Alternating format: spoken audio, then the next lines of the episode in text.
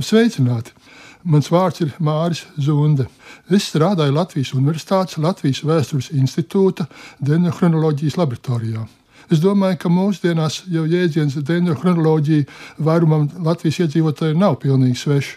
Tomēr pieņemot, ka daudziem cilvēkiem šī jēdziena nozīme varētu nebūt skaidra, paskaidrošu, kā vārdu dendrochronoloģija apzīmē zinātnes apakšnodari, kurā datē koku gadsimtus, un šajās datētajās gadsimtās ietverto informāciju izmanto, lai pētītu pārmaiņas apkārtējā vidē, gan arī lai risinātu tādus jautājumus, kas ir saistīti ar vēstures izpēti.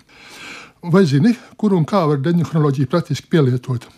Pirmām kārtām to mūsdienās plaši pielieto kā precīzu datēšanas metodi. Tā ir ļoti nozīmīga palīdzdisciplīna arheoloģijā. Jo pirmkārt, tā ļauj noskaidrot absolūto vecumu izrakumos atsektajām seno koku konstrukciju paliekām, un šo konstrukciju vēlāk paplašinātajām daļām, kā piemēram piebūvēm un pat atsevišķām būvdetaļām. Lai iegūtu līdzīgu satura informāciju, dendrochronoloģija aizvien biežāk izmanto arī kā vēsturisko ēku, piemēram, baznīcu, pīļu mūžu, dzīvojamo ēku, koku konstrukciju, arhitektoniskās izpētes procesā. Dendrochronologi nosaka absolūto vecumu arī piemēram senu koku tiltu, upju krastu nostiprinājumu paliekām, kuģu vrakiem, seniem etnogrāfiskiem un mākslas priekšmetiem, kā arī muzikas instrumentiem. Pēdējās pāris desmitgadēs dendrochronoloģiju aizvien biežāk arī izmanto, lai noskaidrotu, kurā geogrāfiskā rajonā koku materiāls, kas izmantos koku būdetaļu un citu izstrādājumu izgatavošanai, bija iegūts. Tas ir nozīmīgs jautājums, jo pagājušajos gadsimtos koku materiālus eksportam, kā arī daļēji vietējam patēriņam, piemēram, Rīgai, piegādāja nevien no Daugaus augsteicis, bet arī no Dņepras un 18. gadsimtā pat no Volgas baseina mežiem. Dendrochronoloģija ir ļoti nozīmīga arī ekoloģiskos pētījumos. Koku gadsimtu platums, kā arī vēl citi tās raksturojošie parametri, atspoguļo koka reakciju uz vidas kopīgo ietekmi. Tas ir galvenokārt konkrētā gada pirmajā pusē. Turklāt gadsimts arī ļauj noskaidrot dažu konkrētu faktoru ietekmes kalendāro gadu, ilgumu un intensitāti.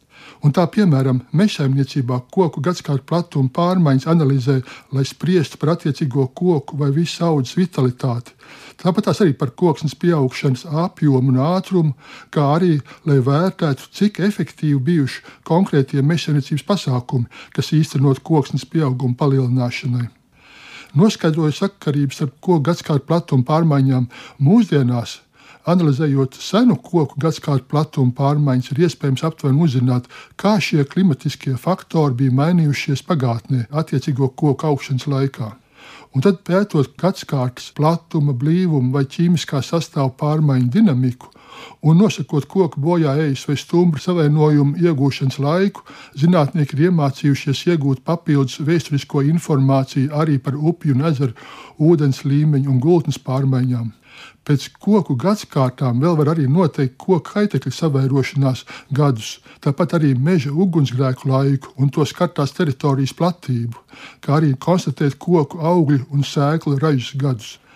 Bez tam, ko gadsimts izmanto kā papildus informācijas avotu, tādu dabas procesu kā piemēram zemes nogruvumu, šļūdoņu virzīšanās, vulkānu izvirdumu, zemestrīču un zemes slāņu deformācijas norises izpētē, kā arī kā bioindikātoru, kas uzrāda arī augsnes un atmosfēras ķīmisko piesārņojumu, tā iedarbības sākumu un beigu laiku.